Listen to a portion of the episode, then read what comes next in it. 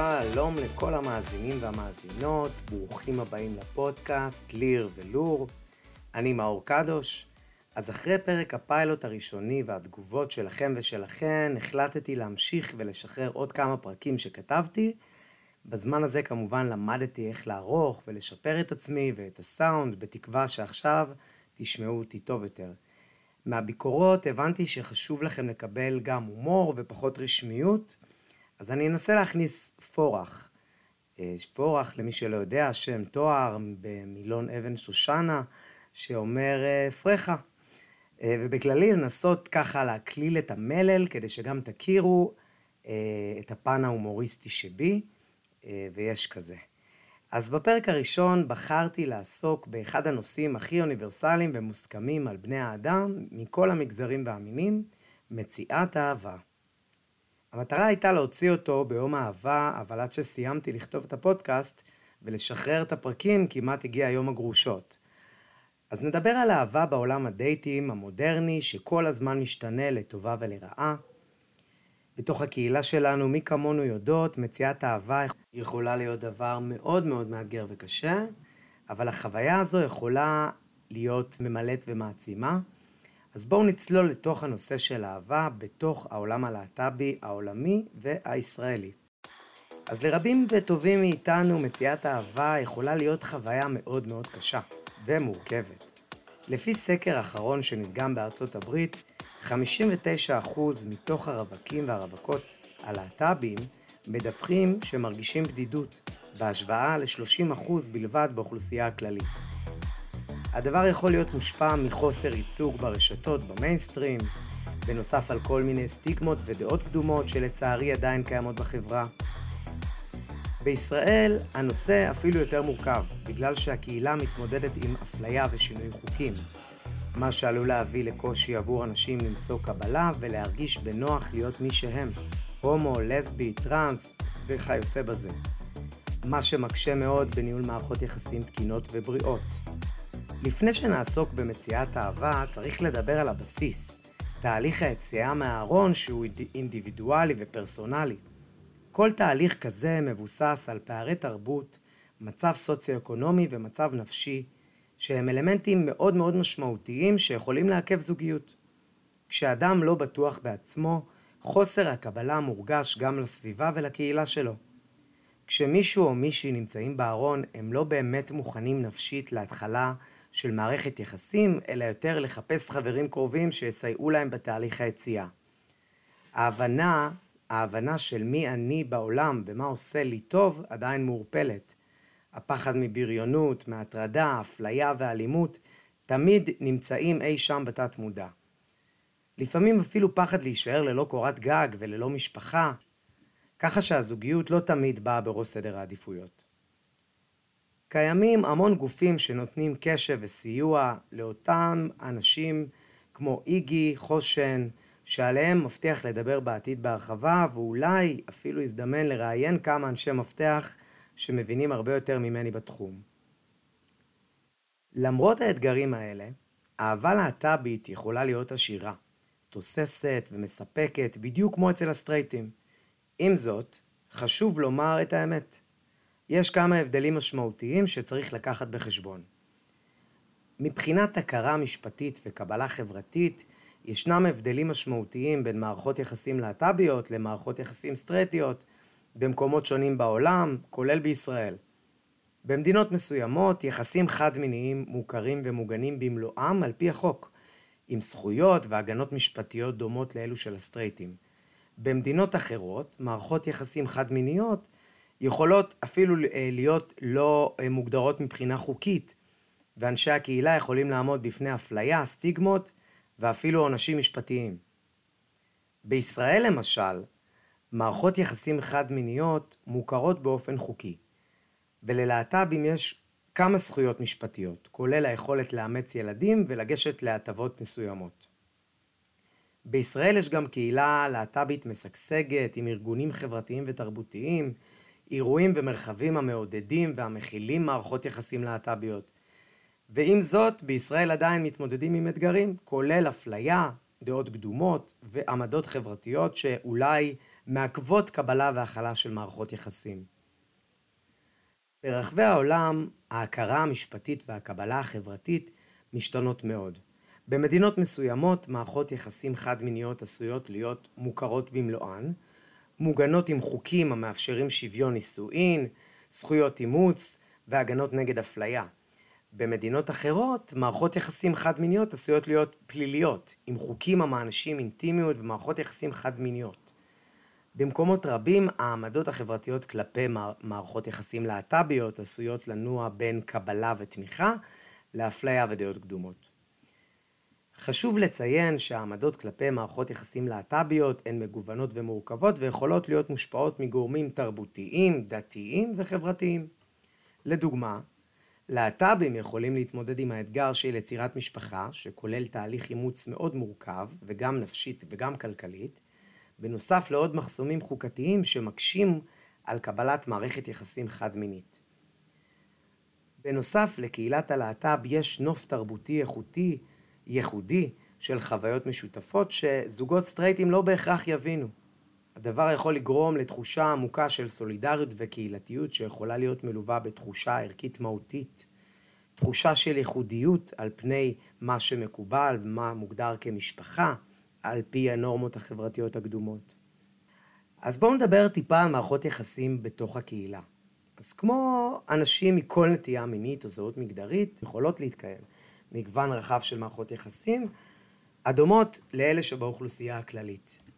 להט"בים יכולים ליצור סוגים שונים של מערכות יחסים, ובואו נדבר על כמה מהם. אז הראשונה שבהם, יחסים רומנטיים. מערכת יחסים שבה נרקמים קשרים רומנטיים עם בני הזוג מאותו המין, מגדרים שונים או מגדרים א-בינאריים, ג'נדר קווירים, בהתאם לנטייתם המינית וזהותם המגדרית. מערכות יחסים אלו יכולות להקיף קשת רחבה של אינטימיות, חיבור רגשי ומחויבות, בדיוק כמו מערכות יחסים של סטרייטים. יחסים זוגיים, זה הסוג השני, במדינות או אזורים שבהם נישואים חד-מיניים מוכרים על פי חוק, אז בעצם אנשי הקהילה יכולים להיכנס לנישואים רשמיים עם בני זוג מאותו המין. זה יכול לספק הכרה משפטית, זכויות וחובות דומות לאלו של נישואים בין המין, הש, המין השני, וכולל הטבות כגון ירושה, הטבות מס וביטוח לאומי.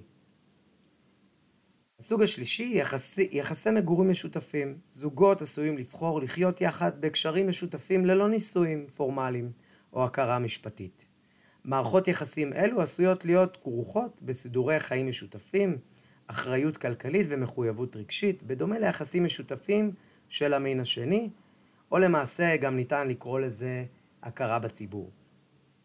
יחסי הורים, אה, בעצם זה הסוג הרביעי, יחידים או זוגות להט"בים יכולים להפוך להורים באמצעים, שונ... באמצעים שונים, כגון אימוץ, פונדקאות, הורות משותפת, או הורות ממערכות יחסים קודמות.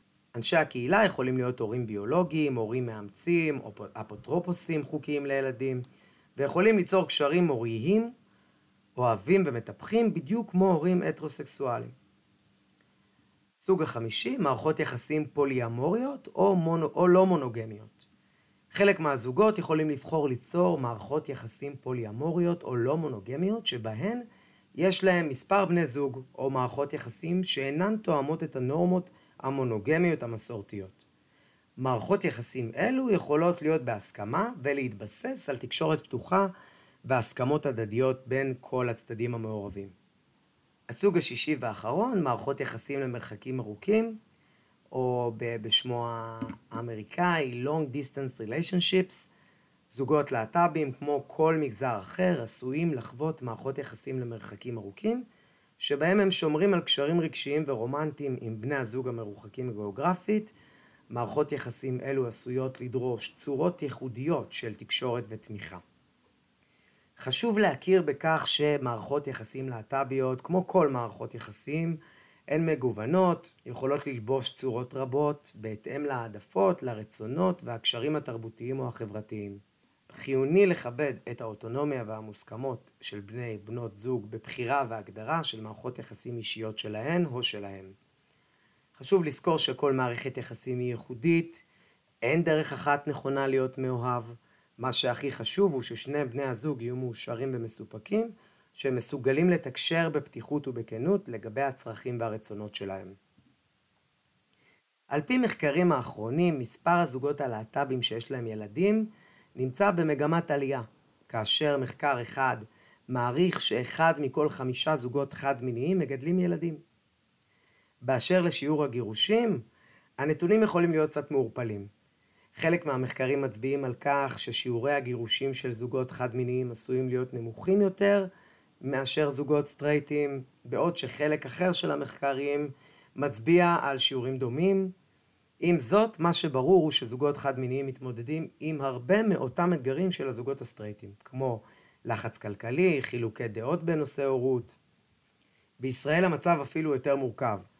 שזוגות נישואים חד-מיניים עדיין אינם מוכרים על ידי הממשלה. זה יכול ליצור אתגרים נוספים עבור זוגות להט"בים. בואו נדבר על חלק מהזוגות המפורסמים שהיו חלוצים ונתנו לגיטימציה והכרה לחתונות גאות בקהילה בעולם ובישראל.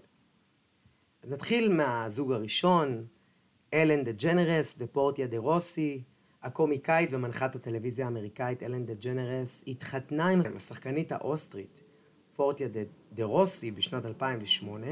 לפני כחודשיים השתיים חידשו נדרים אחרי 14 שנות נישואין.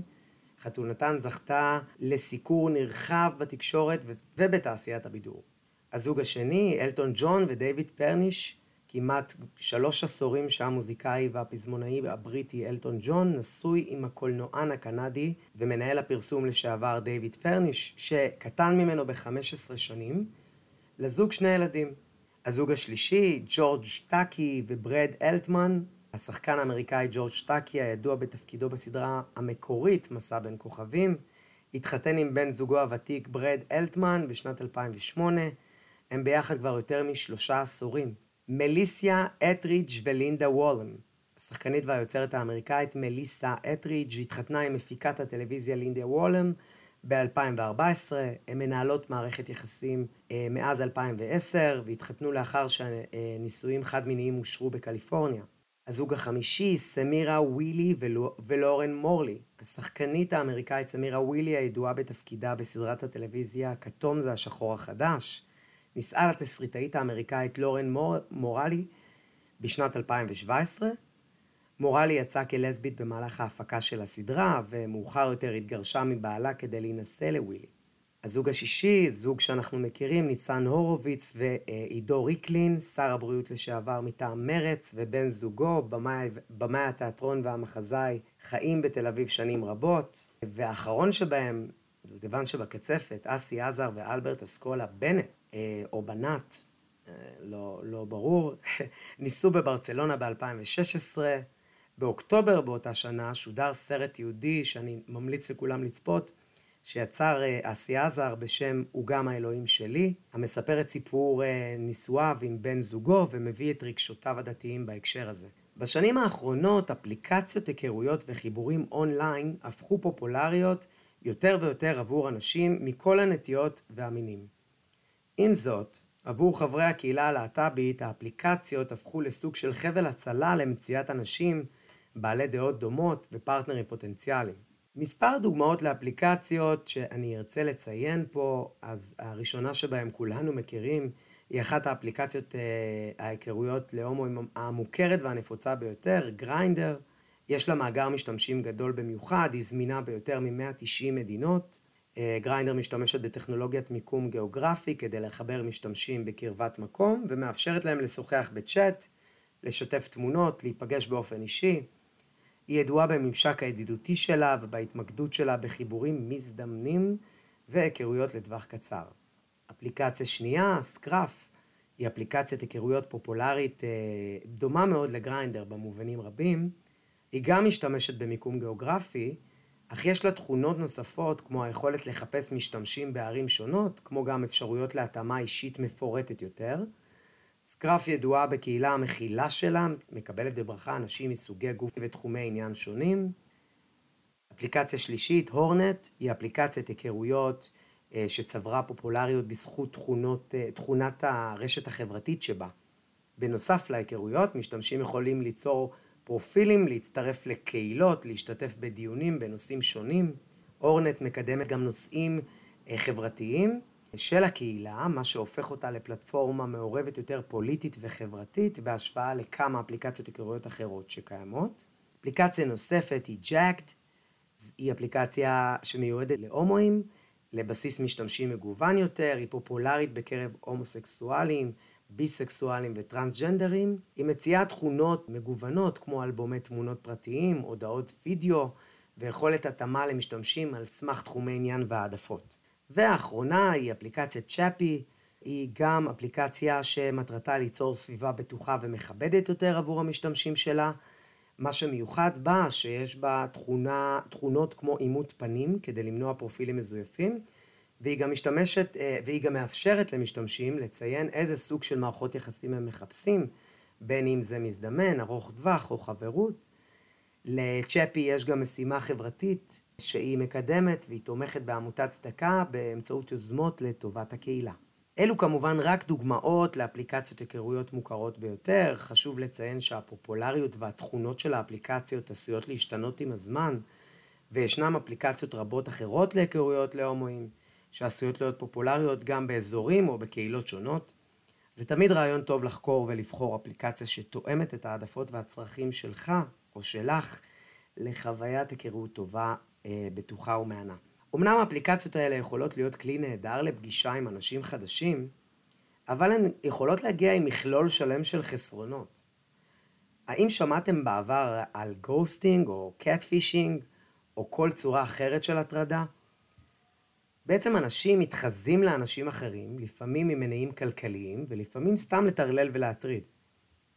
חשוב להשתמש באפליקציות האלה בתשומת לב ובזהירות ולזכור שלא כל אחד או אחת יכולים להיות בעצם מי שמציגים את עצמם אונליין. כמובן שיש עוד דרכים רבות להכיר את הפרטנרים הפוטנציאליים העתידיים שלכם. החל מאירועי להט"בים ומועדונים ש... שיוצרים מפגשים סוציאליים ועד לארגונים פוליטיים שבהם יש הזדמנות להיחשף לאנשים בעלי דעות דומות בתוך הקהילה. עם זאת, פגישה אישית עם אנשים יכולה להיות גם היא מלאה באתגר משלה, כמו התמצאות בהיררכיה החברתית ובנורמות בתוך הקהילה. חשוב להגיע לפגישות האלה בלב פתוח ולדעת שהדינמיקה בין אנשים משתנה, ולזכור שלפעמים אנשים יכולים להפתיע דווקא לטובה. אז הנה, הצגנו תמונת מצב של המורכבות והתמלוגים של מציאת אהבה בקהילה הלהט"בית. זכרו, אהבה היא אהבה. לא משנה מי אתה או מי אתה אוהב, ועם האדם הנכון לצדך או לצידך, הכל אפשרי. תודה לדניאל צדקה המוכשר על מוזיקת הפתיחה. ניפגש בפרקים הבאים, להתראות.